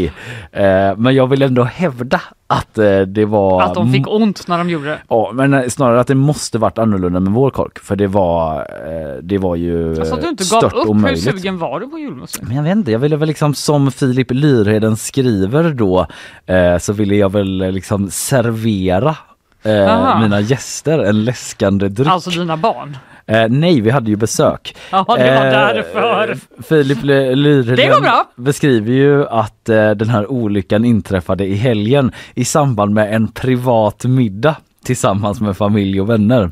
Jag tycker bara det är så Wow, roligt. ditt liv låter så händelserikt. Det låter som att det är en sån influencer eller så megakändis. En privat middag till skillnad från alla offentliga tillställningar man är på. Det I brukar vara hemmets- öppet hus hemma hos Kalleberg, men den här gången var det privat. Mycket privat middag där jag inte vill att det ska liksom komma ut massa stories och att folk ska göra det. content på det Nej, liksom. Jag såg inga stories från dig. Nej, förutom när jag själv då liksom går till tidningen. Jag har ont med i den här tummen! Händelsen. GP-medarbetarna skulle servera en flaska julmust av märket Apotekarnes. Det tycker jag också är en rolig formulering. Att det ser ut som att, uppleva att jag gick ut, liksom, hade en liten sån handduk över axeln och liksom en isink och höll den så som en flaska vin. Kanske höll, hällde upp lite grann då eh, till mitt sällskap precis och de liksom bara det går bra, det går bra. Och, men jag fick ju inte, jag fick inte av korken då liksom och ehm, skadade ju fingret. Det finns en bild, eh, en ganska vidrig bild faktiskt i artikeln. Har du, se, har du sett det? Nej, jag vill inte se det. Du vill inte se det? är det Triggervarning. på ditt sår? Nu, må, nu tvingar jag dig att se det. Okej. Här är det. Det är eh, där eh, mitt sår eh, syns ja, precis. Fan vad äckligt. Till det slut- såg ju ut att göra jätteont faktiskt. Ja men det gjorde faktiskt väldigt ont, det gjorde det. Eh, till slut eh, fick eh, vi göra ett litet hål säger jag i artikeln med en vinöppnare och hälla igenom det då. Men Jaha, då var det jag lyssnare som hörde av sig och eh, Filip eh, liksom citerar dem i artikeln. Upplever att flaskorna med julmust light är ovanligt svåröppnade i år. Hashtag svag skriver en lyssnare. Var det julmust light du drack? Nej det var det inte. Nej, det, Men det, okej, problemet är vida spritt. det verkar ju så. Ja, skriver en annan lyssnare. På de minsta flaskorna och sockerfri. Två olika flaskor. Aj! Utropstecken. Light, sockerfri och vanlig. Ja, det är många som har haft det här problemet och eh, två i hushållet har försökt och misslyckats trots försök med tänger och knivar, skriver en tredje lyssnare. Så det är liksom många som, det här är liksom ett axplock av reaktioner och även efteråt när jag publicerade, publicerade eh, på min Instagram, la upp eh, själv, eh, så var det flera som hört av sig man kan tipsa Filip Lyrheden vill ju ändå liksom om man har varit med om det här så kan man mejla filip.lyrheden.gp.se för han är on the case. Han har ju såklart talat då med Carlsberg. Ja, nu vill man veta vad de säger. Ja, bryggeriet som brygger Apotekarnes julmust. Och eh, man känner inte igen därifrån att Mhm. folk ska ha problem med att öppna de här flaskorna. Det är inget som vi fått inrapporterat till oss i någon större omfattning säger de. Eh, vi har heller inte ändrat något med designen. Men vi kommer att kika närmare på just den här omgången som vi producerat för att se om det finns fler flaskor med samma problem, säger Kasper Danielsson, kommunikationschef på Carlsberg i Sverige. Wow! Bra och viktigt att Carlsberg tar det här på allvar. Eh, det är ju trots allt Sveriges, en av Sveriges mest populära drycker, särskilt så här års då. 31 miljoner liter av apotekernas julmust eh, beräknar man att man kommer sälja i år då. Och eh, med de där stora produktionsvolymerna så kan det uppstå fel ibland, säger Kasper Danielsson. Men inte så här många fel Kasper! Nej, Inte så här utbrett kan det inte vara. Ja, vi får väl se liksom om det strömmar in ännu mer vittnesmål och om de på Carlsberg hittar någonting. Men han, eh, han liksom riktar indirekt viss kritik mot mig då, den här Kasper Danielsson. Han säger att göra som GPs Kalleberg gjorde, skriver Filip, att borra ett hål i korken med ett tillhygge är en metod han avråder ifrån. Varför då? Han säger så här, vi uppmanar personer som inte kan öppna en flaska och det tycker jag det känns lite tråkigt att beskriva som en person som Nytt inte... CV. Ny rad på CV. Ny rad på så, visitkortet. Också typ så här nytt ord för idiot Ja, just vi, dropped. upp, vi uppmanar svagbegåvade personer som Kalleberg att hålla sig borta men så här, fair enough, jag fick ju inte upp korken. Men var det mitt fel? Kasper Danielsson. Typ. Eh, kanske, jag vet inte. Han uppmanar dem istället då eh, att istället för att liksom använda tillhyggen så så, eh, så eh, uppmanar han eh, folk som har det här problemet att kontakta kundservice. Men då tycker jag bara det är roligt Va? att om jag stod där och inte fick upp den att jag skulle ringa kundservice och bara Ja hej, eh, jag står här med flaskan nu och jag kommer liksom inte vidare. Hur ska jag göra? Det är en sån, via direkt. Kan jag hjälpa Ja. till med något? Har jag fått upp min flaska? Precis. Nej, har du testat att vrida på korken? Ja. Har du testat att vrida har jag. hårt på korken? Eh, Ja det har jag. Har du testat att hålla en handduk? Ja det har jag. Jag har även testat att spruta så varmt vatten på korken för att den ska smälla, äh, svälla. Vilket jag gjorde. Ja, då har du ju testat allt. Ja, för till slut så når man ju vägs ände med kundservice tänker jag. Att det liksom till slut blir att man får reklamera den. Men gästerna då? Jag har en privat middag för familj och vänner här. Där jag försöker servera en läskande dryck typ. Också att de då där inifrån skulle vara så, de kanske inte är så bekymrade. Du vet, vi hade ju annat att dricka också. Man typ så här, hur, hur var det med julmusten? Och jag då försöker liksom maskera en megastress inifrån köket och bara Ja, det, men det, jag, jag står i kö med eh, kundtjänst här nu så eh, det är snart på gång. Det är på gång. Ingen fara, ingen fara. Jag är i kö med kundtjänst. Eh, Det kommer nog gå bra. Ja, nej, men har du upplevt problem med korken eh, så hör av dig till filip.lyrheden eh, gp.se. Så är det.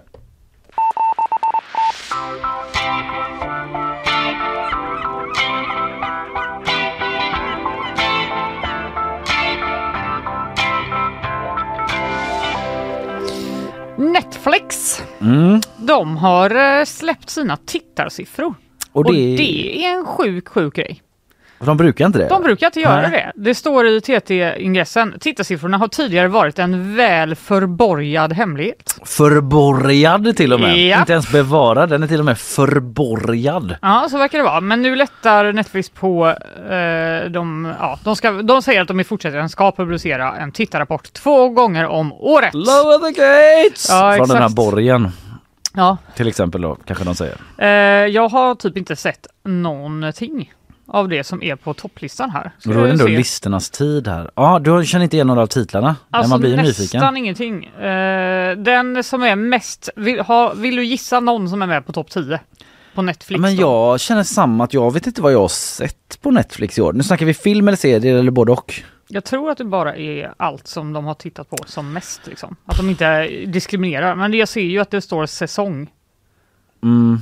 Ah, Kring- vad fan, jag vet inte. Har jag typ sett något på Netflix på hela det här året? Det The man bara- Office, ligger typ The Office högt upp? Bara alltså gamla grejer? Nej. Nej. Nej, du får säga Fanny, jag vet inte. Eh, jag tror att det här är en sån att man bara, varför har jag den här strömningstjänsten? Så kände jag själv i alla fall. Dödsstöt mot Netflix att släppa den här listan. Verkligen. Eh, överst i alla fall mest tittade timmar eh, är The Night Agent. Aldrig sett. Aldrig sett heller. Sen är det Ginny och Georgia. Aldrig sett. Eh, The Glory. Aldrig sett. Wednesday. Aldrig sett. Den såg jag. Är det den eh, familjen Adams Ja, den såg jag. filmen? Eh, det är en serie. Om hon Wednesday i Om familjen? Wednesday. Ja, okej. ja, det den var ändå ganska god faktiskt. Sen fortsätter det här då med grejer jag inte vet vad det är. Det verkar vara en spin-off på Bridgerton. Mm. You, den här serien med ett creepy kille. Ah, nej, Har inte sett. Har inte heller sett den. Jag har inte varit så mycket på Netflix idag verkar det som. Nej, det var, och sen är det Outer Banks säsong 3 Aldrig hört talas om. och Ginny och Georgia igen, fast säsong 1. Okej, så då är det ändå gamla grejer som kan ligga där då? Ja, det är ju lite att, intressant. eh, man kollar på, eh, alltså man bara vad är det här för något? Ja. Så börjar man från början. Jag trodde för de har ju gjort ett nummer av att liksom HBO köpte in vänner och sådär. Att man köper in de här gamla grejerna då. Men... Ja, alltså jag... Eller var det Netflix som Jag trodde det var HBO som har vänner. Faktiskt. Men ja, de har i alla fall köpt de här gamla grejerna. Jag trodde de skulle ligga högre. Ja, exakt. Det verkar vara så att, eh, att den här eh, Night Agent är någon slags politisk eh, thriller och sen är det då eh, familjedramat Ginny och Georgia och eh, sydkoreanska serien The Glory Mhm. som är trea. Det var väl ändå lite sjukt. Ja, det, politisk thriller är liksom min favoritgenre. Ja, du kanske ska borde se den då? Kolla in det. Mm. Seinfeld var det väl de köpte Netflix tror jag. Men Ah. eh, den är inte med på listan då. Nej, Nej. det är inget, inget som ungdomar vill se Kalle, för det är Nej, jättetråkigt. men jag inte heller.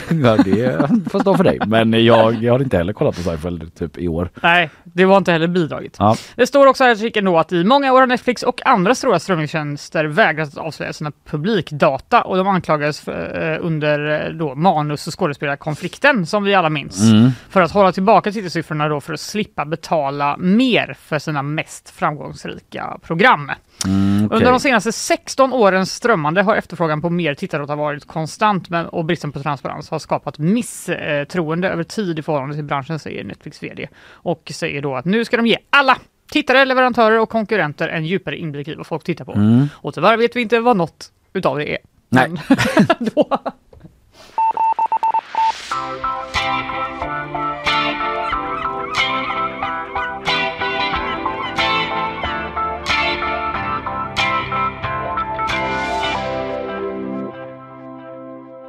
Du vet ju att det pågår sparåtgärder på Sveriges Radio. Jaha du.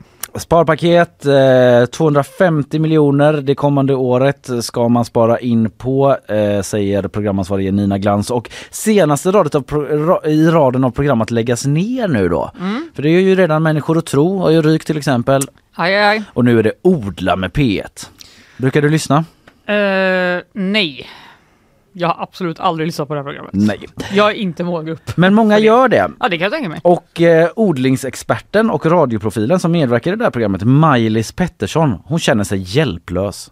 Hon var med och skapade det här programmet för 19 år sedan som nu går i mål då och inte finns eh, längre. Istället ska Sveriges Radio prioritera podcasten Trädgården med Pernilla och John som görs av eh, Pernilla Månsson Colt och trädgårdsmästaren John Taylor. Jag eh, tar upp det här lite för att jag tycker att eh, Maj-Lis Pettersson, vi, eh, vår reporter Jonathan Bengtsson har pratat med henne. Mhm. Eh, och hon var ganska frän i tonen. Maj-Lis? Ja! Nu Och, känner eh, jag att mina fördomar. Men vi pratade om det med någon annan, jag kommer inte ihåg vem det var, men att det är ganska uppfriskande med någon som eh, Nej just det, det var Agneta Sjödin som blev ersatt med Nyhetskaramellerna Ja, och var ganska väldigt, väldigt proffsig med det. Hon var så här, eh, ja Det det, var inte grej. mitt, det var inte mitt val, Nej. men de kommer vara jätteduktiga som kommer ta över efter mig och Ja. jag ska vara där som gäst. Det var liksom inga bara, hard "What?" feelings. Men här är det lite hardare feelings. Åh, vad trevligt. känns det som. Men det, det liksom piggar Det också trevligt, upp. hon kanske är jätteledsen. Ja, det är inget kul för henne såklart. Men liksom det piggar ändå upp med någon som talar från hjärtat liksom. Mm, säger jag mm. inte att Agneta Sjödin, hon kanske gjorde det liksom. Men Hon kanske bara är så proffsig. Det vore som att gå tillbaka till ruta ett säger Maj-Lis Pettersson eh, då och eh, hon säger så här Månsson Colt och John Taylor, alltså de här som man, deras podd man satsar på. Ja. De ska sitta och småsnacka om ditten och datten. Det blir precis som för 20 år sedan innan vårt program fanns när gubbarna Schenkmanis och Samuelsson de har inte jag koll på. Satt och pratade lite löst om trädgården. Trädgårdsfolket var vansinniga då. Varför ska man inte ta ämnet på allvar? Och Men liksom vadå? ändå kritik. Hur vet hon att de inte kommer göra det? Jag vet inte men hon, hon upplever det, att det kommer gå till på det sättet. Ärligt talat, eh, det är ärligt talat på en nivå som trädgårdsintresserade redan tycker ligger på noll.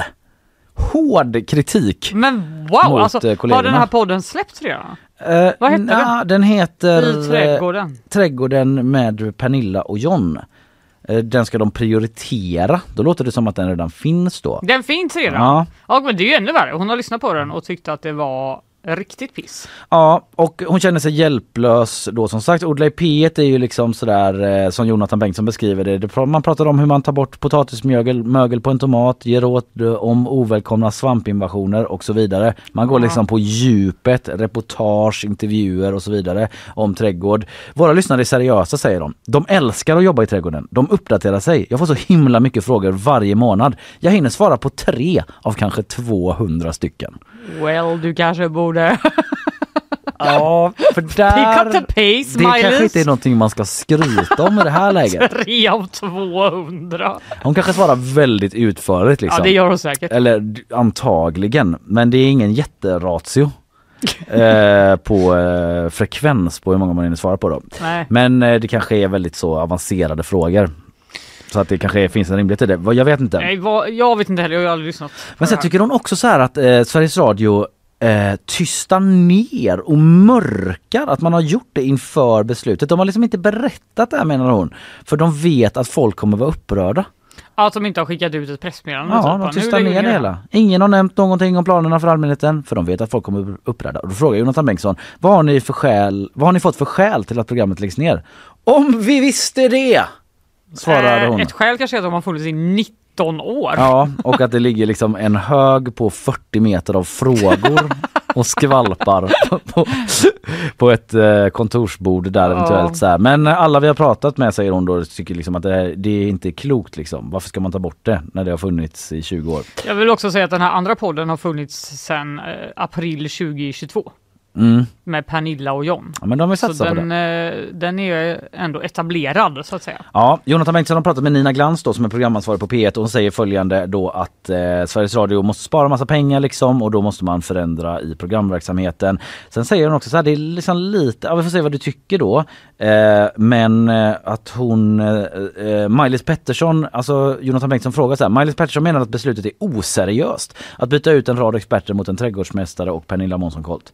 Jag tycker inte hon har rätt säger Nina Glans. Hon håller liksom inte med om att det är oseriöst av dem. Gustav Klarin och andra journalister kommer också att fortsätta rapportera om den biologiska mångfalden på Vetenskapsradion. Men just Maj-Lis kommer inte höras längre. Sen är inte hon helt purung.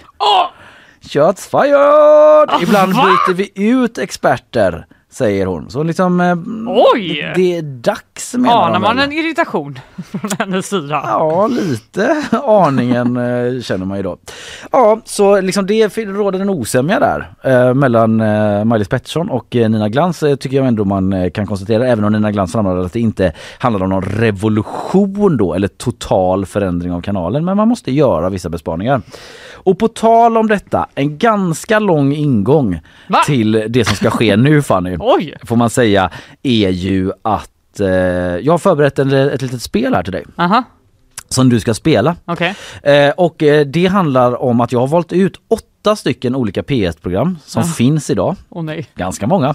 Ja, det får man säga. De kommer möta varandra i kvartsfinaler och sen gå vidare till semi och final. Ganska högt tempo kommer det vara liksom. Okej, och jag vill ah. att du ska avgöra vilket program som borde läggas ner. Japp. Och då vill jag ändå framhålla så här eh, att det behöver inte betyda att det är ett dåligt program.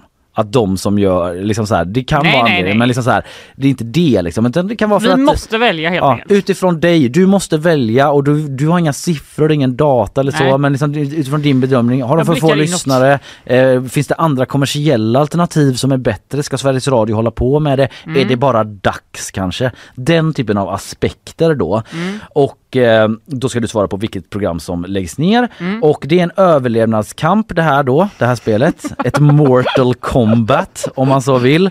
Och eh, jag tänkte nu då läsa upp med en kort presentation Ja, som är göra. lite av en roastande karaktär Ja. bara för liksom effekt eh, av alla programmen som deltar och sen Mm. ska du få rösta då. Mm.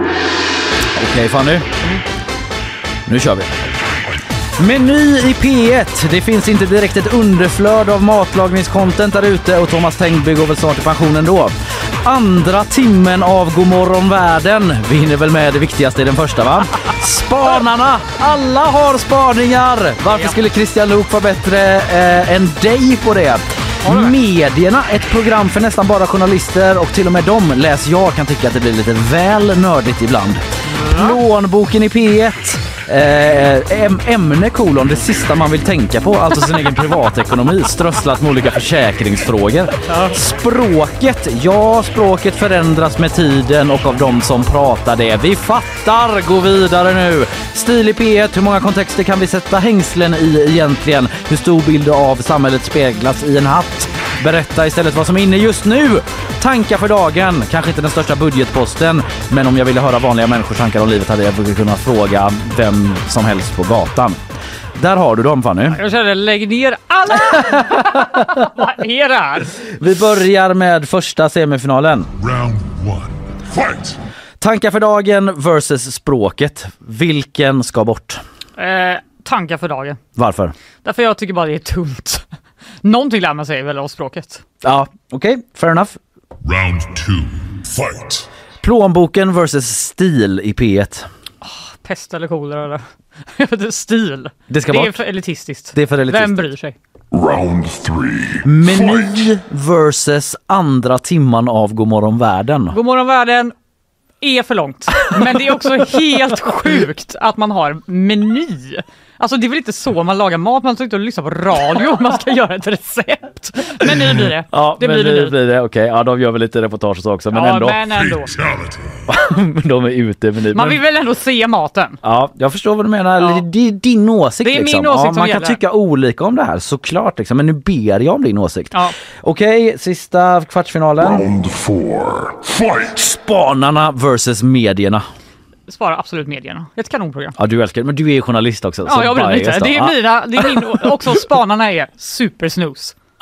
Det är faktiskt det. Okej, semifinal. Round one. Då har vi alltså tankar för dagen versus stil. Vilket ska bort? Ah, Alltså, jag vill säga... Alltså jag vill ta bort stil, men det får bli tankar på det. Ja, du gillar liksom inte det? Du tycker att det är... Jag tycker det är töntigt. Men det väger du inte in att det är liksom, eh, det kostar så himla lite att göra? Det är ingen budgetpost i någon större utsträckning gissar jag. Nej men hur, jag, okej jag har ju inte lyssnat på det här programmet.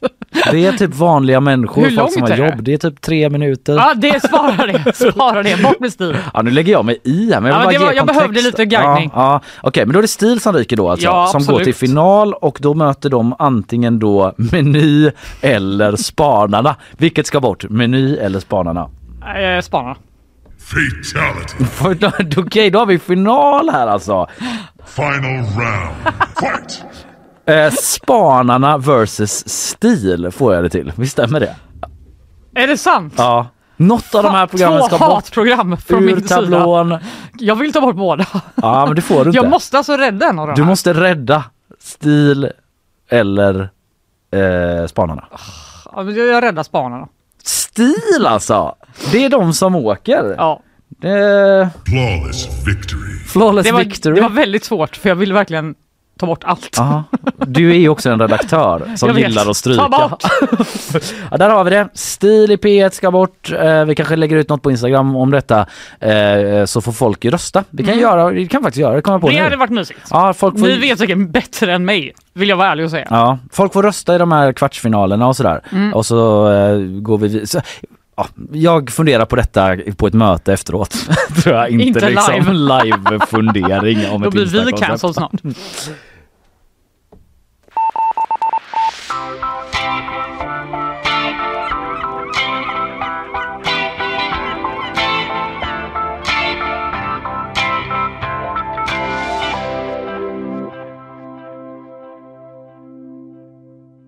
Jag måste ju bara berätta väldigt kort om det jag eh, puffade för i början. Ja. Att jag skulle avslöja vem som var världens mest avslappnade människa. Ja, det vill man ju veta nu. Ja, och då vill jag eh, säga att det är Jonathan Bengtsson som påstår det här. Vill jag, efter att han har gjort en write på en, en intervju med eh, skådespelaren Dakota Johnson. Aha. Och han ställde sig frågan, är det möjligt att bli för avslappnad? Ja. I den här intervjun med då Wall Street Journal så berättar hon då om sitt liv. Jo, nu vet jag vad det handlar om. Jag har faktiskt sett det här. Ja. Ja. och det var, jag hajade ändå till. Ja. Eh, vad gör eh, hon när hon har liksom lite tid över?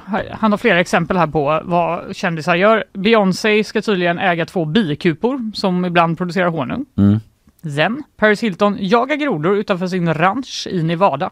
Och Brad Pitt och Leonardo DiCaprio ja. gör enligt flera källor keramik tillsammans. Mhm. Lite är det den. Ghost som sitter bakom den? Vem sitter bakom vem? Av eh, Brad Pitt och Leonardo DiCaprio. Jag tror eh, Brad Pitt sitter bakom för han är lite äldre. Mm. Mm. Dakota Johnson då, hon eh, älskar att sova. Hon sover 14 timmar i sträck säger hon. Eh, I sträck utan att vakna. Men då går de på sömnmedel typ. ja, det är ju faktiskt följdfrågan Tar en sån gammal inte Hon kan ju inte ha barn, eller så har hon barnflickor. Vem vet. Eh, jag har ingen vanlig tid när jag vaknar. Allt beror på vad som händer i mitt liv. Och om jag inte jobbar och är ledig på en måndag så försöker jag sova så länge jag bara kan. Sömn är det jag prioriterar högst i mitt liv. Reportern frågar sedan Johnson hur många timmar per natt hon behöver då. Jag är inte funktionsduglig om jag får mindre än 10 timmar, men jag kan lätt sova 14. Sen berättar hon också att hon gillar att ta varma bad, gärna mitt på dagen. Ibland kan jag tänka, herregud vad är det med den här världen? Och då rymmer jag från allt och hoppar ner i badkaret. Det är en ganska privilegierad livssituation Ja, alltså, man hur kan man ens med och säga de här Ja. sakerna? Till sist så berättar hon att hon mediterar minst två gånger om dagen varje dygn. Eh, Det är liksom bara åtta timmar kvar av dygnet nu för henne att Okej, typ spela in filmer på. Hur, när jobbar hon? det verkar ta skittid. Hon har ingen tid kvar efter två meditationer, ett varmt bad och 14 timmars eh, sömn. Bara, ja, då har jag två timmar kvar. Ja. Då måste äta något också. Ja, och typ kanske ha en relation i alla fall till någon. Ja, hon är väl ihop med eh, Chris Martin. Jaha, alltså han Coldplay Är det Chris inte hon? Martin? Jo, det kanske det är. Jag, jag vet inte. Gwyneth Paltrow är borta i bilden. Ja, hur kunde han byta ut henne? Ja, de är ihop. Ja, de är ihop. De verkar jättekära. Chris Martin typ ligger där i sängen så. Han vaknat för länge sedan. Han bara, baby, are you awake? I made, I made pancakes love. Ja okej, kämpa på Chris Martin då med den här sömntutan till flickvän Ja. eh, Dakota Johnson. Johnson. Eh, vi rundar väl av där ehm, Eh, säger vi väl helt enkelt. Idag Ja, har det det- hänt så mycket. Vi började hela morgonen med ett Lucia-tåg. Alltså hur kunde det ens vara denna sändningen? Ja. Det känns eh, alltså, avlägsen dröm. Ja, Men jag minns det med värme. Ja, det gör jag med och Lucia pågår ju allt jämt. Eh, Vi pratade också om hissolyckan där en eh, bygghiss störtade mot marken 20 meter vilket ledde till att 20, eller vad säger jag, förlåt, fem personer omkom i den här eh, olyckan. Sen pratade du också om eh, Masthuggskajen ju. Det rusar kostnaderna. Det blir dyrt, men det verkar åtminstone bli av. Så det kan vi vara glada för. Just det, och så var det också om Navalny. Ja, Var han är han egentligen? försvunnen i det ryska fängelsesystemet. Mm. Ingen vet var han är. Janne Höglund var här också och pratade om eh, Zelenskyjs ödesvecka då. Han är ju i USA där man i senaten debatterar ett stödpaket. Nej blev det i första rundan till det och eh, snart ska EU imorgon sätta sig i ett möte och diskutera framtida stödpaket Ja, där Orban sätter sig på tvären. Onekligen. Och sen hade vi ju då eh, hela uppföljningen kring eh, julmustkorkgate Ja. där många har hört av Planning for your next trip? Elevate your travel style with Quince. Quince has all the jet setting essentials you'll want for your next getaway, like European linen, premium luggage options, buttery soft Italian leather bags, and so much more. And is all priced at 50 to 80% less than similar brands. Plus, Quince only works with factories that use safe and ethical manufacturing practices. Pack your bags with high-quality essentials you'll be wearing for vacations to come with Quince. Go to quince.com slash pack for free shipping and 365-day returns. Imagine the softest sheets you've ever felt. Now imagine them getting even softer over time. That's what you'll feel with Bowl and Branch's organic cotton sheets. In a recent customer survey, 96% replied that Bowl and Branch sheets get softer with every wash. Start getting your best night's sleep in these sheets that get softer and softer for years to come. Try their sheets with a 30-night guarantee. Plus, get 15% off your first order at bowlandbranch.com. Code BUTTERY. Exclusions apply. See site for details. Sig med vittnesmål om hur svårt det är. Ingen verkar ha skadat sig lika mycket som du. Nej, och eh, Carlsberg avråder alltså personer som inte kan få upp korkar eller vad var de kallade mig eh, att inte ta till alternativa metoder då. Nej, Det och faktiskt en hel del annat pratar vi om idag, men eh, nu säger vi tack och hej. det gör vi. Hej då!